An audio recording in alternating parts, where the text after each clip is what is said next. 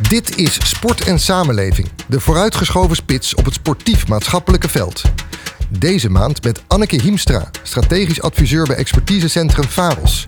Serge Heijnen, beleidsadviseur gezondheid in de gemeente Vijfherenlanden. En Sjoerd van Tiel, beleidsadviseur bij Team Sportservice.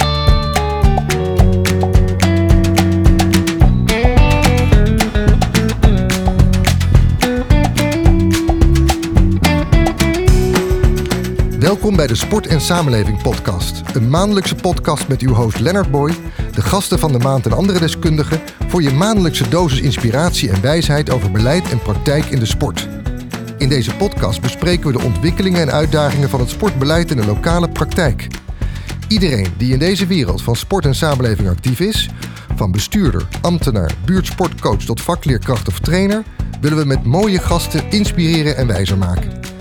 Deze keer met onze gasten Anneke Hiemstra en Serge Heijnen over de ambitie om meer Nederlanders gezonder te krijgen richting 2040 en wat sport en bewegen daarbij kan betekenen. Ja, hier vandaag bij ons Anneke Hiemstra, strategisch adviseur eh, bij het expertisecentrum Varos. Serge Heijnen, hij is beleidsadviseur gezondheid in de gemeente Vijfherenland.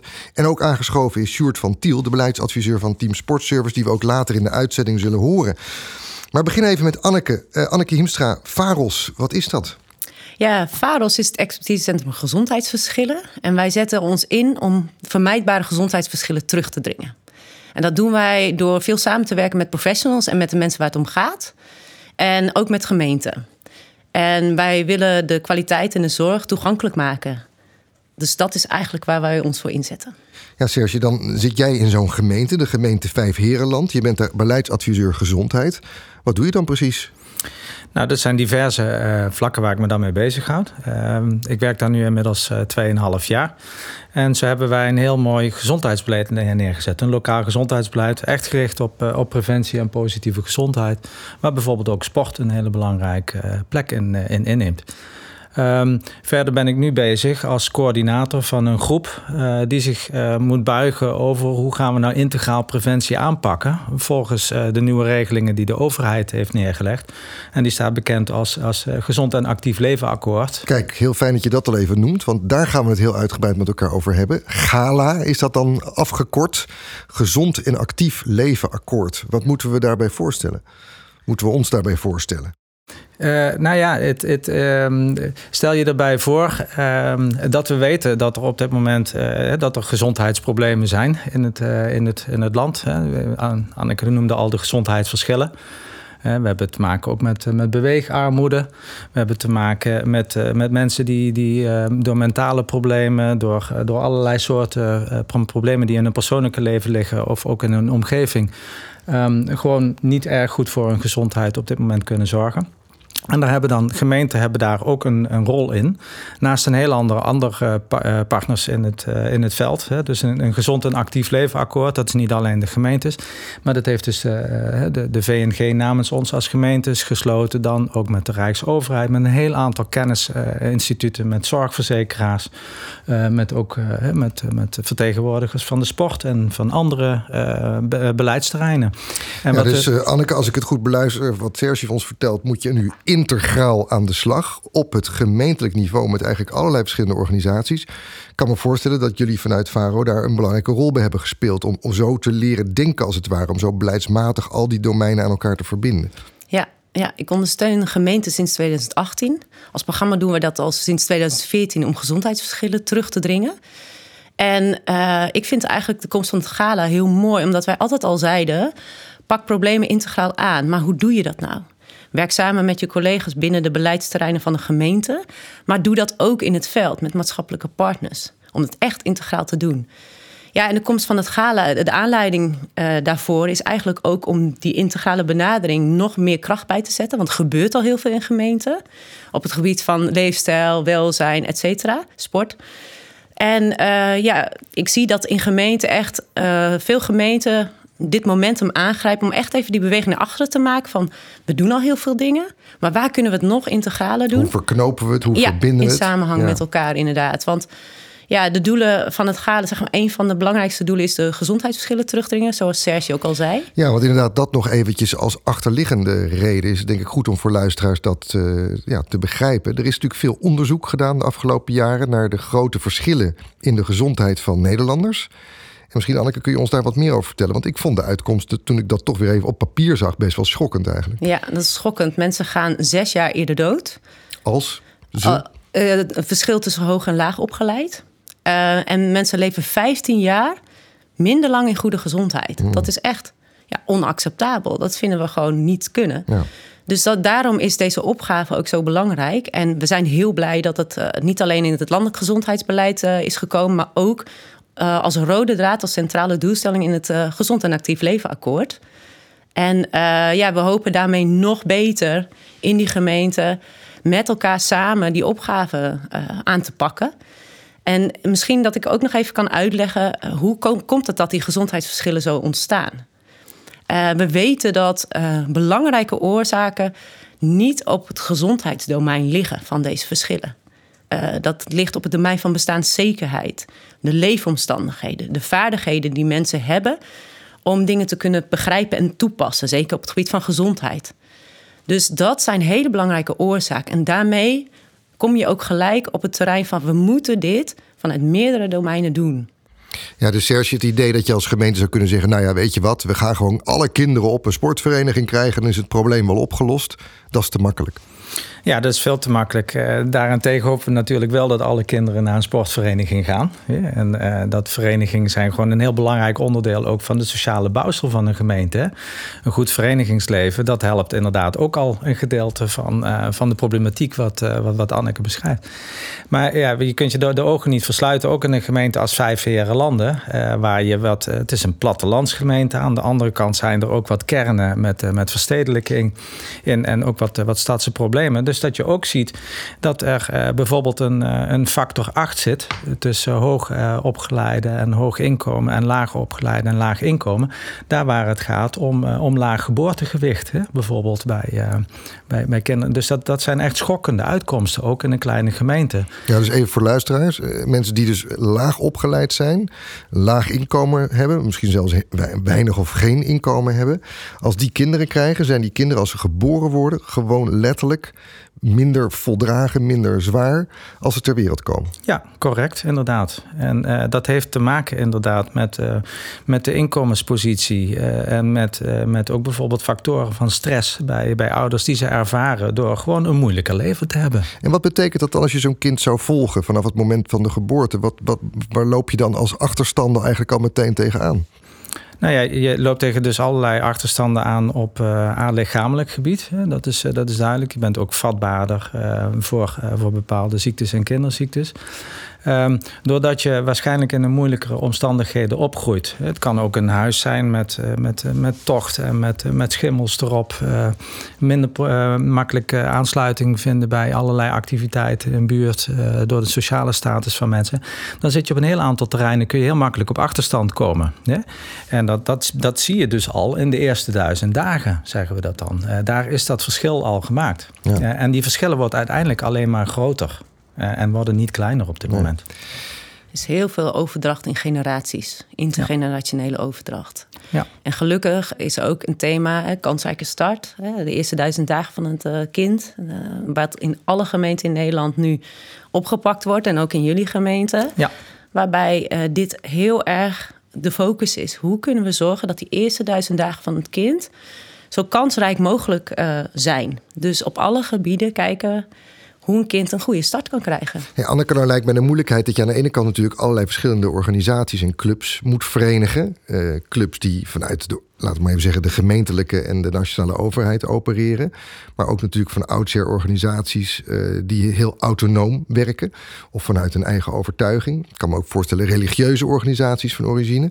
Dat moet je dus al bij elkaar zien te brengen. En daarbij kan ik me ook voorstellen dat het dan ook nog eens niet moet voelen als dat je een soort overval in eigen huis krijgt van al die goedwillende uh, ondersteuners. Ja, ja, klopt. Ja, dat is een ontzettend grote opgave. We doen het natuurlijk niet alleen. Maar je merkt gewoon uh, de, de groepen die Serge beschrijft dat die ook heel veel wantrouwen hebben richting instituties. En daar sta je al op 1-0 achter. En waar wij in ieder geval al jaren uh, mee bezig zijn als vaders, om samen te werken met de mensen waar het om gaat. Om via sleutelpersonen, uh, een leefwereldgerichte benadering, toch wel in contact te komen en relaties te leggen. En je ziet ook dat dat sommige maatschappelijke partners heel goed lukt. En sommige maatschappelijke partners daar wat verder van wegstaan. En uh, ik denk dat ook als gemeente je heel goed naar jezelf moet kijken van hey, in alles wat ik doe, in mijn dienstverlening, in mijn beleid, in mijn uitvoering, zorg ik daarmee dat ik uh, dichter bij de burger kom te staan? Of uh, houd ik die afstand of wordt de afstand alleen maar groter? dus het is een, iets wat je samen met de instituties, maatschappelijke organisaties een, een transitie zou moeten maken, maar ook met de mensen waar het om gaat en met de mensen die in die leefwereld komen. En daarin moet je eigenlijk samen ja, de handschoenen oppakken om, om te kijken dat je niet uh, met z'n allen deze gezinnen bestormt, bijvoorbeeld. Maar heel natuurlijk via een verloskundige, via plekken waar mensen natuurlijk komen, via functionarissen die wel dichterbij staan, die achter die voordeur komen. Of gewoon via bekenden in het netwerk. Ja, en dan is natuurlijk de vraag, Serge, is er een, in dat opzicht misschien wel gemakkelijker tussen haakjes aanbod in Vijfherenland vanuit de gedachte dat is toch een wat kleinere gemeente. Daar kennen mensen elkaar nog. Er wordt misschien ook wel eerder dat zogenaamde nabuurschap uitgevoerd. Zie je dat gebeuren? Ja, dat zie ik zeker gebeuren. En een aantal kernen hè, die van oudsher uh, gewoon ook uh, heel, heel close met elkaar zijn. Hè? En waar een sterk verenigingsleven is, waar men elkaar kent, waar men elkaar makkelijk binnenloopt. Um, maar er zijn ook andere kernen en, en, en zeker ook dus wat verstedelijkte kernen, waar dat, uh, die, dat, dat, sociale bindmiddel uh, is gewoon al een stukje minder. Uh, er zijn ook uiteraard, hebben we ook te maken met veel nieuwkomers ook in de gemeente. zowel omdat er behoorlijk gebouwd wordt op een aantal plekken, maar ook omdat we als gemeente een aantal opgaves hebben op het gebied van statushouders, asielzoekers, op het gebied ook van, van Oekraïne-opvang, waar ik zelf ook een, een rol in heb. En uh, daarbij zie je dus dat, dat je telkens opnieuw op zoek moet naar uh, wegen om je te verbinden met deze mensen. En uh, erachter te komen wat er speelt in hun leefomgeving.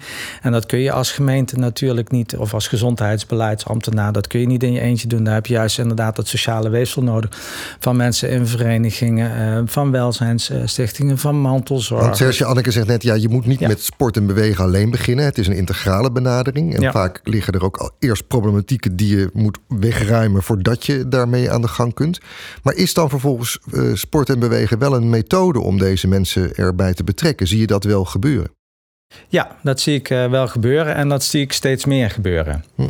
En um, uh, even, even kijken waar we vandaan komen. Uh, was, was sport was natuurlijk best wel een, een, een gesloten wereld. Hè? Er was een eigen sector, uh, ook in, in de gemeente. En gemeente, sport was ondergedeeld niet bij het sociale domein. Ja, dus met, met, met welzijn en gezondheid.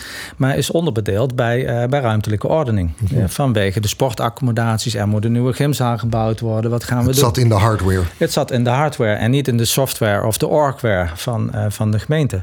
dus dat betekent dat je elkaar niet automatisch tegenkomt. En dat betekent ook niet dat, dat een, een, een sportambtenaar direct zijn belangrijkste taak ziet als de maatschappelijke rol van sport. Mm -hmm. En dat proces is wel behoorlijk aan het veranderen. En dat we zien van, van nou, waar in beginnen de sport, sport zich voornamelijk dus concentreerde op A, het in stand houden van de voorzieningen.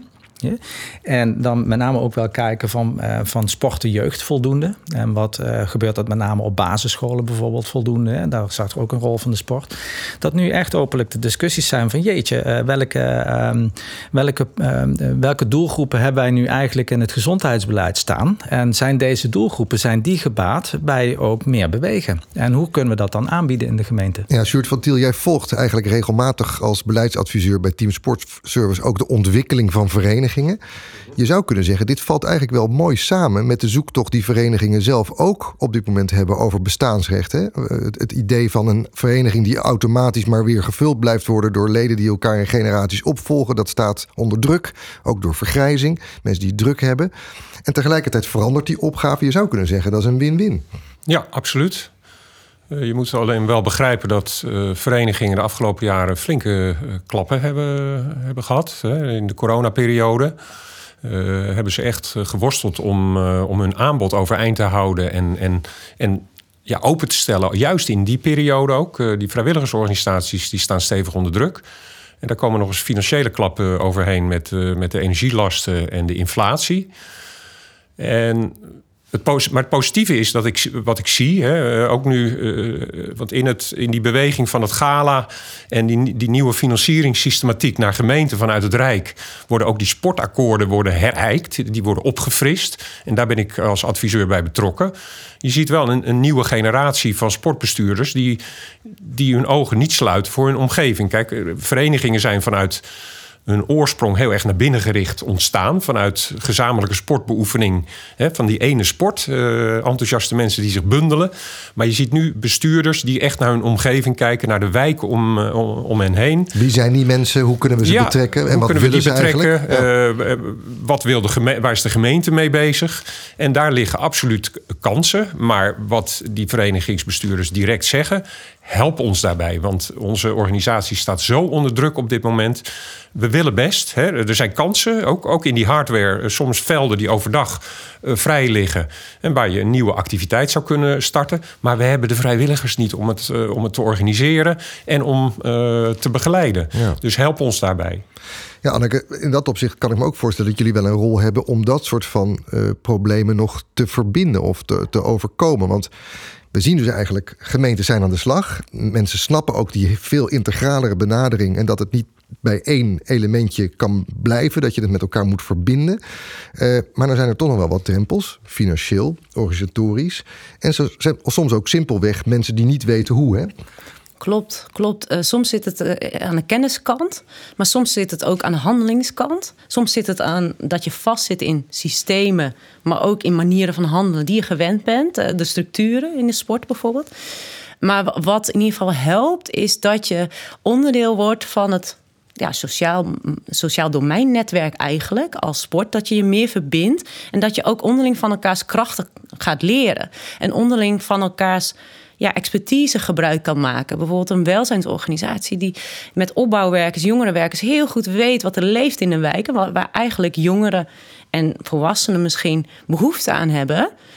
En als je je daar in de sport open voor stelt, en maar ook wel de ruimte krijgt om daarin te transformeren, om dat mogelijk te maken en dat misschien ook gezamenlijk te doen, ja, dan heb je een win-win. En dan wordt het ook veel meer fluïde. Hè? Dat je de sport en bewegen als middel inzet voor allerlei doeleinden. En ik denk dat wij daar uh, sowieso als expertisecentrum uh, zitten. Ik zit wekelijks om tafel met gemeenten om die verbinding sowieso al op beleidsniveau beter mogelijk te maken. Van hoe zetten we die combinatiefuncties in? Hoe eh, richten we dat sport- en beweegbeleid in? Nou, Serge die doet dat dus ook zelf in zijn eigen gemeente. En tegelijkertijd ook een, een sturing te geven of een impuls te geven voor die maatschappelijke partners. En dat je ook vanuit hetzelfde vertrekpunt, vanuit de opgave vertrekt. En dat dan, dat dan ook nog in transformatie denken, Anneke. Want ik, ik doe wat jij zegt, vind ik heel aansprekend. Eigenlijk zeg je, we hebben een totale transformatie te maken over nou, de maatschappelijke opgave die er met elkaar ligt, de rol die je daarbinnen te spelen hebt, de manier waarop je samenwerkt. Ehm, maar het betekent eigenlijk ook wel dat ieder voor zich eens de vraag moet stellen: waartoe ben ik op aarde? een sportvereniging, Sjoerd zei het eigenlijk net, was vroeger vanuit: ja, we zijn met elkaar gepassioneerd met deze sport bezig. En als ik jou beluister, is de vraag nu meer: kan ik via die sport een bepaalde maatschappelijke opgave proberen mee op te lossen? Of luisterend naar wat er in mijn omgeving en wijk gebeurt, zou mijn sportaanbod misschien wel heel anders moeten zijn? Of moet ik samenwerken met allerlei andere partijen? Ja zal zeker een deel zijn die ontzettend waardevol vindt om te blijven sporten zoals het nu ingericht is. En daar moet je ook altijd naar blijven luisteren. Je moet het niet zomaar verlaten. Maar er zal ook een, een, een rol zijn en naast wat je doet als je kerntaak, waarbij je gaat kijken van oké, hoe kan mijn sport, basketbal, vechtsport, ik zeg maar wat, bijdragen aan meer discipline bij jongeren, et cetera. En daar heel erg op in gaan zetten in combinatie met het sporten. Je ziet daar heel veel goede voorbeelden in. Ja, want laten we eens even doorzoomen dan naar Vijf Herenland. Eh, zie jij dat soort voorbeelden, Serge? Zie je inderdaad die transformatie eh, op het gebied van, eh, van verenigingen bijvoorbeeld? Ja, die zie ik zeker. dat, er, dat er inderdaad gekeken wordt. Van, nee, het, het, G-voetbal is natuurlijk al lang bekend. En dat dat voor Maar je ziet ook duidelijk dat er gekeken wordt, nou ook bij, bij ouderen, het, het loopvoetbal, om het maar even, even te noemen, dat, dat gebeurt veel. We hebben te maken ook bijvoorbeeld, we weten dat, dat allochtone vrouwen gewoon moeilijk toegang hebben tot, tot sporten. Vanwege ook beperkingen dus, die, ehm, die er via de, de islam zijn. Ehm, en dat je dan ook gaat bekijken, ja, hoe kunnen zij op een veilige eh, wijze, uh, volgens hun gebruiken, dus ook bijvoorbeeld gaan zwemmen op dat soort vlakken. Dat zijn vraagstukken, daar zijn we nu mee bezig. En daar krijgen we dan ook aanvragen over, burgerinitiatieven, et cetera. Die wij ook moeten beoordelen als gemeente. Van hoe gaan we dit dan eigenlijk die toegang bevorderen voor dat soort groepen. Waarvan we graag willen dat ook zij kunnen deelnemen aan het sport- en verenigingsleven. Ja, maar dat is dan meteen ik wil weer de volgende vraag. dit gaat natuurlijk alleen maar lukken als je niet alleen maar integraal samenwerkt en goed luistert naar wat mensen willen, maar als je ook de financiële stromen op een goede manier bij elkaar brengt. We weten het Rijk, dat hebben ze ook rondom dat gala gezegd, probeert dat ook aan te moedigen. Breng die dingen bij elkaar. Maar hoe gaat dat dan in de praktijk? Nou, dat is, uh, dat is elkaar uh, eerst in eerste instantie zien te vinden. En uh, begrijpen wat elkaars doelstellingen zijn. met wie je samenwerkt in het netwerk. waar je nu op dit moment eigenlijk je geld aan uitgeeft. Wat je wel en niet krijgt. Wat je opgaves zijn vanuit het Rijk voor je specifieke sector. En, en dan gaan kijken van hoe werkt dat nu? Als wij Team Sportservice contracteren voor, voor X. Uh, dan, krijgen we, ehm, dan, dan, krijgen we een bepaalde dienstverlening voor terug. En dan kunnen wij ook gaan kijken van, van god, uh, maar we hebben eigenlijk ook binnen andere aspecten van het gala, bijvoorbeeld gezondheidsverschillen of valpreventie bijvoorbeeld, zijn er ook mogelijkheden waarvoor wij kunnen zeggen, daar gaan we bewegingsinterventies voor, uh, voor inzetten. Waarbij het ook belangrijk is dat je, nadat bijvoorbeeld een fysiotherapeut zijn werk heeft gedaan, dat we kunnen gaan kijken hoe kunnen deze mensen nou op langere termijn blijven bewegen. Nou, dan ligt er een rol voor sportservice om te zien wat is nou een goed bewegingspatroon voor die. Ja, en Sjoerd van Tiel, hebben verenigingen dat dan eigenlijk wel voldoende scherp? Dat je misschien wel vanuit een net andere route financiering zou kunnen krijgen voor deze sociale opgaves. Dat het niet zozeer het, sportje, het, het potje sportveld of sport is, maar het sociale domein. Nee, dat hebben ze nog weinig uh, in beeld. Uh, verenigingen hebben sowieso uh, moeite om uh, de, de, de, de subsidiemogelijkheden die er zijn lokaal, om die uh, te benutten. Hè. Ik was gisteren op een bijeenkomst uh, in, uh, in Haarlem. En daar uh, gaf de, de, de sportambtenaar uh, ruiterlijk toe geld voor het uitvoeringsbudget voor het sportakkoord, het lokale sportakkoord. Dat is in 2020 vastgesteld. En jaarlijks is er een pot geld voor de vereniging om nieuwe initiatieven te ontplooien. Juist op, op dit gebied, in het leggen van verbindingen naar andere beleidsterreinen. In nieuwe activiteiten op te zetten voor nieuwe doelgroepen. Dat budget gaat niet op. Dus ze weten die bestaande mogelijkheden al niet te vinden. In, in, in, veel gevallen. Uh, er zijn ook gemeenten die dat heel goed doen hoor. Die, die, die, die dat openbreken. En, en dat is waar we naartoe moeten. ik, ik ben. Nou ja, je zou kunnen zeggen, dit is dus de rol die ook sportbestuurders hebben. Om te beseffen van er liggen eigenlijk enorme mogelijkheden voor mijn vereniging. Uh, ook op financieel terrein. Maar ik moet wel de andere domeinen aanboren. Ik moet me niet alleen maar strikt beperken tot die, die sportkant. Ja. Ja. Dat zou fijn zijn. Dat uh, uiteindelijk uh, dat, uh, dat we daar die kennis ook mee gaan brengen. Van als we samenwerken met deze domeinen, dan kunnen we wat meer doen. En dan hoeft de vereniging niet altijd afhankelijk te zijn van extra inkomsten via de bar of via de gokindustrie. Ja. ja. precies. Want dat is waar het natuurlijk nu vaak nog wel ja. op aankomt. We zijn afhankelijk van onze adverteerders van die bar. Ja. nou ja, dan hebben we het natuurlijk ook weer over de, de vraag of dat weer mooi kan samenhangen met het gezondheidsbeleid. Als je het over de derde helft hebt. Het veel drinken na de wedstrijd. Anneke, waar ik ook nog wat specifieker met jou over zou willen doorpraten. We hebben het nu over de situatie gehad in Vijf Herenland als mooi voorbeeld. Uh, we praten veel over kernen en, en, clubs en verenigingen die best wel stevige uh, verankering in de lokale uh, omgeving hebben. Maar we kennen natuurlijk ook de grote stad. Daar zijn de problematieken, kan ik me voorstellen, vanuit jullie onderzoeken wel nog een beetje anders. Ja, dat klopt zeker. Uh, in grootstedelijke gebieden heb je echt wijken waar veel problemen gestapeld voorkomen. Uh, dus in die zin is dat een ander soort opgave. En dan heb je het ook nog te maken met wat is de geschiedenis van die wijk. Uh, bijvoorbeeld, ik noem even als voorbeeld een gebied als Heerden Noord. Uh, dat is een heeft een enorme toevlucht genomen bij, in bevolkingsgroei. Toen de mijnen heel erg floreerden. En daar hebben heel veel mensen zich gevestigd. Maar toen nog mijnen gesloten werden ja, toen is er ontzettend veel snel armoede gekomen. Wat in een aantal wijken, dus een heel gebied, Heerlen Noord, tot een ontzettend ja, moeilijke situatie heeft geleid, waar dus problemen zich opstapelden. Dus daarin heb je ook echt de focus nodig op verschillende domeinen om die problemen te tackelen. En ik vind het zo mooi aan Heerlen Noord dat zij niet alleen zeggen: laten we uh, interventies en aanpakken in gaan zetten. Uh, laten we um, vanuit het onderwijs gaan, gaan, uh, ons gaan richten. Maar zij voegen daaraan toe, laten we een beweging op gang brengen waarbij mensen weer trots zijn op waar ze wonen. Want dat is ook, hè, het doet ook iets met je identiteit en je gevoel van eigenwaarde. Ja, om je daar in zo'n gebied om te zeggen, ik kom uit precies, Noord. Precies, en het, het is het doel ook dat mensen weer trots zijn om daar te wonen. Dus je moet altijd de geschiedenis meenemen in de aanpakken die je, die je uitvoert in zo'n wijk, in zo'n gebied. En het gaat breder dan alleen maar het inzetten van interventies, van aanpakken, van strategieën.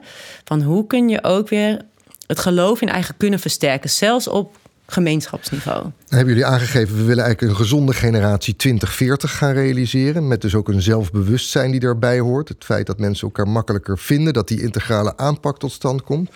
Maar inzoomend op zo'n voorbeeld als Heerlen Noord, dan zijn verenigingen, dat weten we toch uit ervaring, eh, toch wat tanend. Dan is het juist moeilijk om daar bijvoorbeeld interventies te organiseren op het gebied van sport en bewegen. Dat klopt inderdaad. En dan, dan zeggen wij ook altijd van als je het hebt over talentheid van een vereniging, eh, dan heb je het ook over toegang.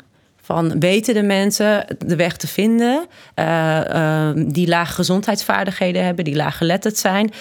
En, en je hebt het ook over, is het aanbod passend voor, voor, voor wat de mensen nodig hebben. En er zijn ook veel voorbeelden te vinden in, in het land, waarbij dus ook taallessen worden gegeven op de locatie, waarbij mensen ook de locatie leren kennen, zien wat er allemaal is. En dan hoef je nog niet eens direct mee te doen aan, aan een sportactiviteit daarna. Maar het maakt de drempel wel lager. Dus zorg dat mensen er al komen. Ja, precies. Ja. ja, maar wat ik nog wilde toevoegen, ook net in het gesprek over uh, het, het over de, mm, de positie van de sport. Uh, buurtsportcoaches hebben natuurlijk al een veel bredere positie in de samenleving. En dat zie je, dat werkt ook echt zijn vruchten af. Dat die ook vanuit verschillende uh, waarden werken. En ook veel beter te, weten te verbinden met andere domeinen. Hè? Samenwerken met het welzijnswerk, met het sociaal domein. En ik denk dat ook de sport, de, de sportverenigingen, de sportclubs, die, die transformatie ook zelf kunnen maken. Uh, dat, dat kunnen ze niet alleen zelf. Hè. Ze kunnen natuurlijk meerdere doelen op hun vereniging mogelijk maken. Dus bij ons kun je ook terecht voor taallessen, et cetera. Maar dat doe je in verbinding met je partners. Maar het is ook zo dat ze ook op meerdere doelen bevraagd worden. Dat vraagt ook een transformatie vanuit uh, het maatschappelijk domein. Dat ze niet alleen gezien worden als daar kun je sporten. Maar Sjoerd, zijn ze daar klaar voor? Wordt. Zijn ze daar klaar voor? Juist ook verenigingen bijvoorbeeld in die stedelijke omgeving. Nou, je ziet eh, gelukkig wel eh, verenigingen. Dat zijn vaak wel de wat grotere uh, en, en, en, stabiele verenigingen... die uh, die slag aan het maken zijn. veel verenigingen zijn nog op zoek naar hun rol daarin... Maar ik denk dat als die buurtsportcoaches, hè, die hebben dat netwerk. Dus als gemeente daarin nog die buurtsportcoaches nog wat sterker in de richting van die, van die gemeente of van die verenigingen brengen. Zou je kunnen zeggen dat zou een ideale brug zijn tussen, laat ik maar even zeggen, de formele kant van het sociale domein waar we de gemeente en het Rijk toerekenen, mm versus de meer praktische uitvoerende kant van zo'n vereniging. En dan kan zo'n buurtsportcoach daar eigenlijk het bruggetje vormen. Ja, dat denk ik zeker. Ik denk dat die bij uitstek daar, uh, daarvoor toegerust is en dat verenigingen echt wel, uh, wel willen. Ja. Serge, dan hebben we nog zoiets als de heilige graal de spuk. De specifieke uitkering. Help ons. Wat gaat die doen voor iedereen die luistert? Nou, het, uh, laat ik allereerst beginnen. Ik, vind, uh, ik ben ontzettend blij met uh, het feit dat er een gala is. En ook dat er deze specifieke uitkering is. En dan kun je over allerlei bedragen die erin staan. En sommige gelden zijn incidenteel en andere zijn structureel. Daar kun je over gaan discussiëren. Ehm, maar nu loop ik al een tijd mee. En het feit dat er nu geoormerkte gelden zijn voor preventie in een gemeente is nieuw. En is een hele goede ontwikkeling. Het feit dat we nu een opdracht krijgen om op gemeentelijk niveau met sport, met welzijn, met cultuur, uh, met gezondheid te gaan samenwerken en zeggen: uh, ga met elkaar nadenken over gezondheidsverschillen. Ga met elkaar nadenken over belangrijke gezondheidsproblemen. Ga met elkaar nadenken over mentale gezondheid en wat het doet met mensen. Dat is, dat is zo'n ongelofelijke winst, Lennart. Dat kan ik je niet vertellen. Ja, want iedereen is nu gedwongen om echt over zijn eigen domeintjes heen te springen. En, en doet, dat, en doet dat graag. En uiteindelijk zitten we hier op te wachten. En dat brengt een ongelooflijk nieuwe, mooie dynamiek met zich mee. Ja. En kun je daar dan een voorbeeld van geven? Hoe dat dan in de praktijk uitpakt? Wat voor nieuwe dynamiek dat dan oplevert?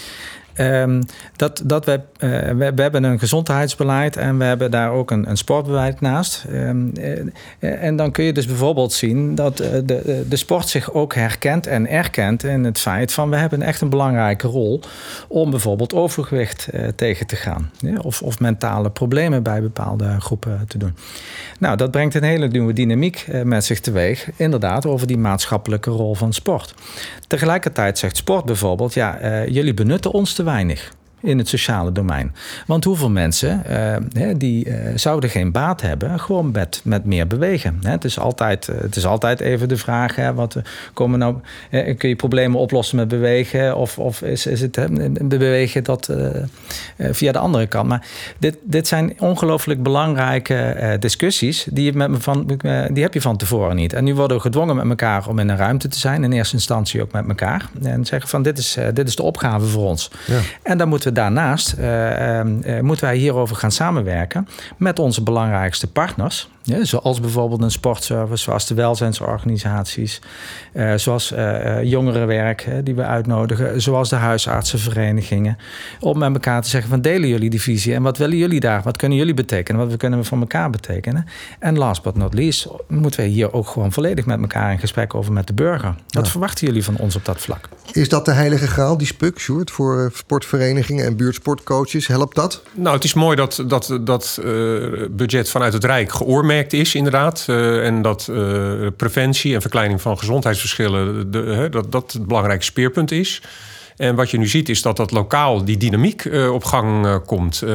binnen de, de muren van een gemeente... waar verschillende beleidsterreinen gezamenlijk om tafel gaan zitten. Maar ook komende maandag organiseer ik een bijeenkomst in een gemeente Lopik... waar we met uh, de sportverenigingen aan tafel zitten, maar ook met die maatschappelijke partners. Daar zit, dus daar is uh, welzijn aanwezig, daar is de, de geestelijke gezondheidszorg is aanwezig, vluchtelingenwerk, de vrijwilligerscentrale, een huisarts, het onderwijs. En die komen allemaal samen. En waar we naar op zoek gaan is die gezamenlijke stip op de horizon neerzetten. En vervolgens dat ze ook concreet mogelijk maken. En kijken of we matches tot stand kunnen brengen lokaal. Tussen die sport en die maatschappelijke partners. Want die vinden elkaar nog onvoldoende. Anneke, ik zie jou heel tevreden kijken. Want eigenlijk is dit waar je mee begon. Hè? Vind elkaar, zoek elkaar op, werk samen. Integrale benadering. Nou, dat begint, begrijpen we nu zo langzamerhand in de praktijk echt zijn vruchten af te werpen. Kunnen jullie dat dan al terugzien in de cijfers? Kun je laten zien dat er dan inderdaad ook iets van resultaat komt op die enorme verschillen in de gezondheid tussen hoger en lager opgeleide Nederlanders? Dat is ontzettend moeilijk. Laat ik dat vooropstellen. Want het is een kwestie van lange adem. Dus het zal echt de tijd nodig hebben om ook te zien wat Gala specifiek voor impuls doet. Liever kijk ik dan inderdaad naar de grote hoeveelheid samenwerking, de verbindingen die tot stand zijn gekomen. Meer naar het verhaal en de ervaringen van mensen en professionals. Ja. Over hoe zij beter in staat zijn om het verschil te maken. Uh, uh, naar de cijfers kijken op de, op de grote, uh, langere termijn is ontzettend moeilijk. Dus dat, uh, ja, daar moet ik het antwoord in schuldig blijven. Uh, Moeten wat we rustig monitoren. Ja, wat wel een droom is van mij. Ik vind het al heel mooi dat dat meer ontstaat, die kruisbestuiving. En de droom van, van ons is ook dat ze naast die stip op de horizon ook gezamenlijk gaan kijken. Maar wat zijn dan die uitgangspunten die daarbij horen? Eén uitgangspunt is wat Serge zei. We doen het samen met de mensen waar het om gaat. En we brengen ook verschil in. We differentiëren ook in wat een bepaalde uh, groep A nodig heeft en groep B en groep C. We, investeren dus ook ongelijk. En ook onze aanbod of onze ja, maatwerk eigenlijk ja, maken we verschillend voor verschillende groepen. En, En dus dit is die echt wel nieuw, uitgangspunten hè? zijn Dat, heel dat, belangrijk. ja, dat is want- dat zogenaamde idee van gelijke monniken, gelijke kappen. Dat laten we los. We kijken echt specifiek wat heeft deze groep of deze specifieke situatie nodig. En daar pas je je Ja. financiering en je, Ja. en je wet en regelgeving op aan. geldt voor meerdere domeinen. hè. Dat is ook in het financieel domein ontzettend moeilijk. Hè? Eh. En dat, dat, dat levert politiek gezien soms ook best wel moeilijke discussies op. Van ja, gezondheid is voor iedereen, toch? Eh eh, geldzorgen, daar moeten we iedereen gelijk in behandelen. En Wij zeggen van ja, durf ook het lef te hebben als bestuurder en als beleidsmedewerker om ongelijk te investeren. Zodat iedereen in ieder geval gelijke kans op gezondheid krijgt. Ook al zul je misschien nooit hè, bereiken dat iedereen gelijke gezondheid bereikt, maar dat iedereen wel gelijke kansen op gezondheid bereikt. Dus dat is wel mijn droom. En de zorg die ik wel heb met Gala Spuk is dat in al die thema's heel snel tot handelen wordt gegaan. Hè. Welzijn op recept wordt opgezet. eh, er wordt een aanpak eh, gericht op valpreventie opgezet. Die misschien niet inclusief genoeg zijn. Dus dat je zegt van kunnen we ook valpreventie beschikbaar maken voor mensen in kwetsbare posities. En wie zijn dan die mensen in die kwetsbare posities? Wie heb ik dan in mijn gemeenschap wonen? Ik en wat, zeggen, wat is dat is daar een dan mooie waarschuwing. Van oké, iedereen schiet snel. Dat is op zich ook begrijpelijk in de mooie uitvoering. En het idee van meteen vertalen naar de praktijk. Maar zeg jij, denk daarbij ook elke keer weer na. Wie wil ik bereiken Ja. en wie zou er echt bereikt moeten worden? Ja, en hebben we daardoor verschillende strategieën te bewandelen. Ja, Ja. helder. Anneke, tot slot, jij was hiervoor ook een tijd lang werkzaam bij het kenniscentrum Sport en Bewegen. Eh, ik wil het hele rondje maken, maar ik wil graag bij jou beginnen. Zou jij een specifieke good practice kunnen noemen waarvan je zegt, nou daar helpen we de luisteraars mee vooruit? Daarmee kun je aan de slag. Ja, er zijn verschillende good practices, maar eentje die blijft wel terugkomen. Dat is een heel kleine gemeente in Zuid-Limburg, een gemeente Vaals. Zij eh, werken met een beweegmakelaar. En dat kun je zien als een soort buurtsportcoach. Ja. Eh, maar die beweegmakelaar die heeft een hele bijzondere methode en een bijzondere aanpak. En dat kan ook in zo'n gemeente als Vaals. Wat zij doet is bij de mensen, komt ze thuis en ze vraagt allereerst hoe gaat het met je? Ze voert het goede gesprek met de mensen. En vanuit daar kijkt ze, wat, wat, wat zijn de mogelijkheden? En wat, waar werd je vroeger blij van? Eh, wat, wat kunnen we nu als kleine stapjes ondernemen? En dat hoeft niet per se meteen bewegen te zijn of meteen sporten te zijn. Vaak krijgt eh, krijgt zij die mensen geactiveerd, zoals het noemt. Ofwel maatschappelijk geactiveerd, ofwel vanuit eh, een financiële activatie, dus aan het werk.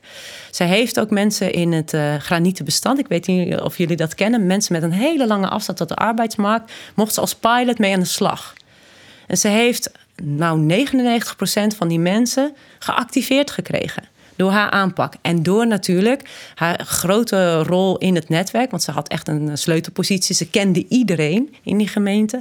Ook de partners, ook de BOA's. Hè, de buiten, eh, gewoon opsporingsambtenaar, et cetera. En daar werkte zij echt mee samen. Zij ze nam deze mensen mee. En het lukte haar om heel veel mensen dus actief te krijgen. Nou, dus voor jou een belangrijke eh, aanbeveling is: begin echt bij de vragen die mensen zelf nodig hebben. Ja. Eh, vraag hoe het met ze gaat. Ja. En van daaruit werk je, bijna, bijna kun je zeggen, als omweg, als methode, misschien toch toe naar dat domein van sport en bewegen. Maar je Ja. moet daar niet recht op af, want dan werkt het niet. Nee, klopt. Ook vanuit bestaanszekerheid zijn er mooie voorbeelden waarin dit de eerste ingang is.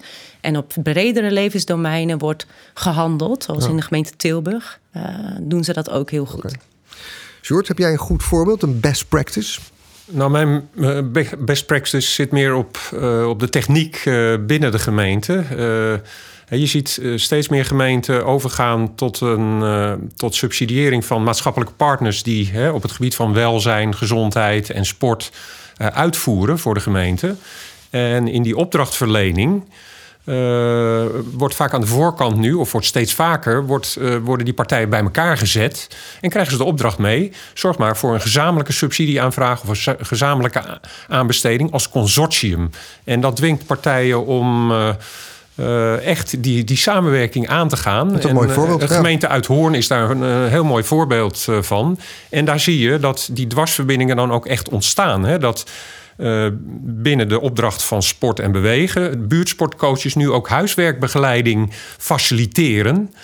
uh, rondom de sportactiviteiten. Nou ja, dat is zo'n zo'n voorbeeld uh, waarbij zeker in specifieke wijken daar een enorme uh, ontwikkeling uit voortkomt. Ja, dus je zou kunnen zeggen, gemeenten kunnen daar dus ook al in hun vraag naar hoe je precies samenwerkt heel veel in betekenen door die partijen eigenlijk min of meer te dwingen al samen met elkaar daarop in te tekenen. En dan moet je in je voorbereiding om zo'n aanvraag te winnen ja. al heel erg goed met elkaar dat, gesproken Dat vraagt heel veel van deze organisaties hoor. Ja. als, je, als ik kijk naar Team Onze buurtsportcoaches, die zullen zich dan op enig moment bijvoorbeeld ook met in huiselijk uh, geweld moeten gaan verdiepen. Want die komen achter die voordeur en die moeten in die keten, die signaleringsketen, krijgen ze een rol. Dus dat vraagt wel wat van de professionals, maar die kant uh, gaat het zeker op. Mooi. Dat zien we ook in andere gemeenten als heel succesvol. Nou, dus dat is eigenlijk ook een hele goede tip. Serge, heb jij nog een goede best practice? Nou, um, ik wil eerst even zeggen, de, uh, de SPUC um, en wat er nu gebeurt en het gala is... Uh, het is belangrijk dat je, dat je als gemeente in de doestand gaat komen. Maar ik denk wel dat je dat moet doen met, met een gedeelde visie... Hoe, hoe, je, hoe je het in de toekomst wil gaan inrichten. En we hebben natuurlijk, we, hadden, we hebben gewoon een staand en heel goed analytisch opgebouwd gezondheidsdocument... gedeeld met alle partners. En um, dan wordt het makkelijk om dan te zeggen van... oké, op sommige punten kunnen wij al heel erg sterk in de doestand gaan... want we hebben veel opgegeven andere zien we gewoon inderdaad, bijvoorbeeld je noemde de valpreventie. Uh, ja, dan moeten wij echt even wat meters gaan maken om te denken, hoe zit deze keten eigenlijk in elkaar? En uh, wat, wat kunnen wij daar aanbieden uh, op het moment dat ja, er is eigenlijk maar één fysiotherapeut uh, die, die geaccrediteerd is om valpreventie aan te bieden.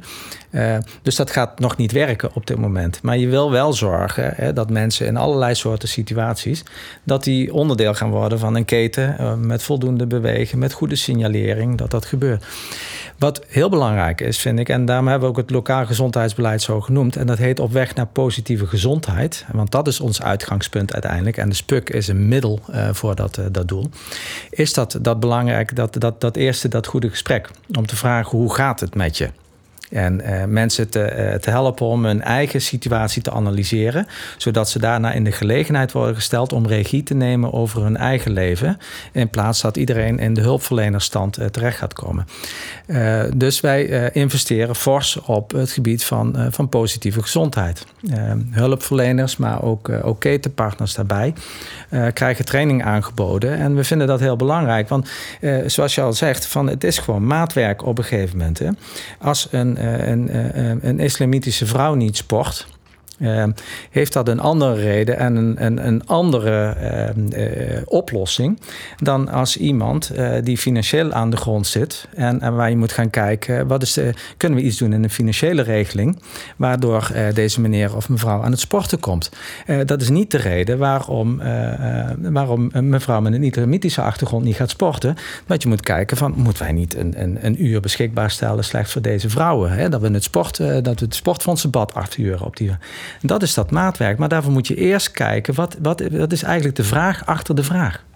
Ik vind het een hele mooie. Als ik jullie zo allemaal beluister, zeggen we: hoe gaat het met je? Is een vraag die je aan iedereen moet stellen. Aan het individu, maar ook aan jezelf als gemeente, ook aan jezelf als sportvereniging. Om dan het antwoord te kunnen geven: waartoe zijn wij tegenwoordig op aarde? Welke rol hebben wij te spelen? En dat kan, hoor ik jullie eigenlijk, alleen maar door heel erg goed met elkaar samen te werken, heel erg goed te luisteren en het geld wat er is zo goed mogelijk bij elkaar te vegen om dan uiteindelijk een doorbraak te forceren. Voor een gezonde generatie 2040, want dat is waar we het geloof ik uh, voor doen. Um, Anneke Hiemstra, Serge Heijn en Sjoerd van Tiel, ik wil jullie heel erg bedanken voor dit gesprek. Dank jullie wel. Ja. Dankjewel. Graag Ja. Onze podcast zit erop. We hopen dat je bent bijgepraat. Voor meer informatie, tips en vragen verwijs ik je graag naar het e-mailadres podcast.teamsportservice.nl. We bedanken Charel van Brummen, onze eindredacteur, en stellen u ook graag voor aan haar opvolger Simone de Bruin. Zij staat altijd open voor goede adviezen en ideeën. Deze podcast is een initiatief van Team Sportservice, uitvoerder en adviseur van sportbeleid in de lokale praktijk en de provinciale sportorganisatie van Noord-Holland, Zuid-Holland en Utrecht. En voor nu wens ik je een bewegelijke dag.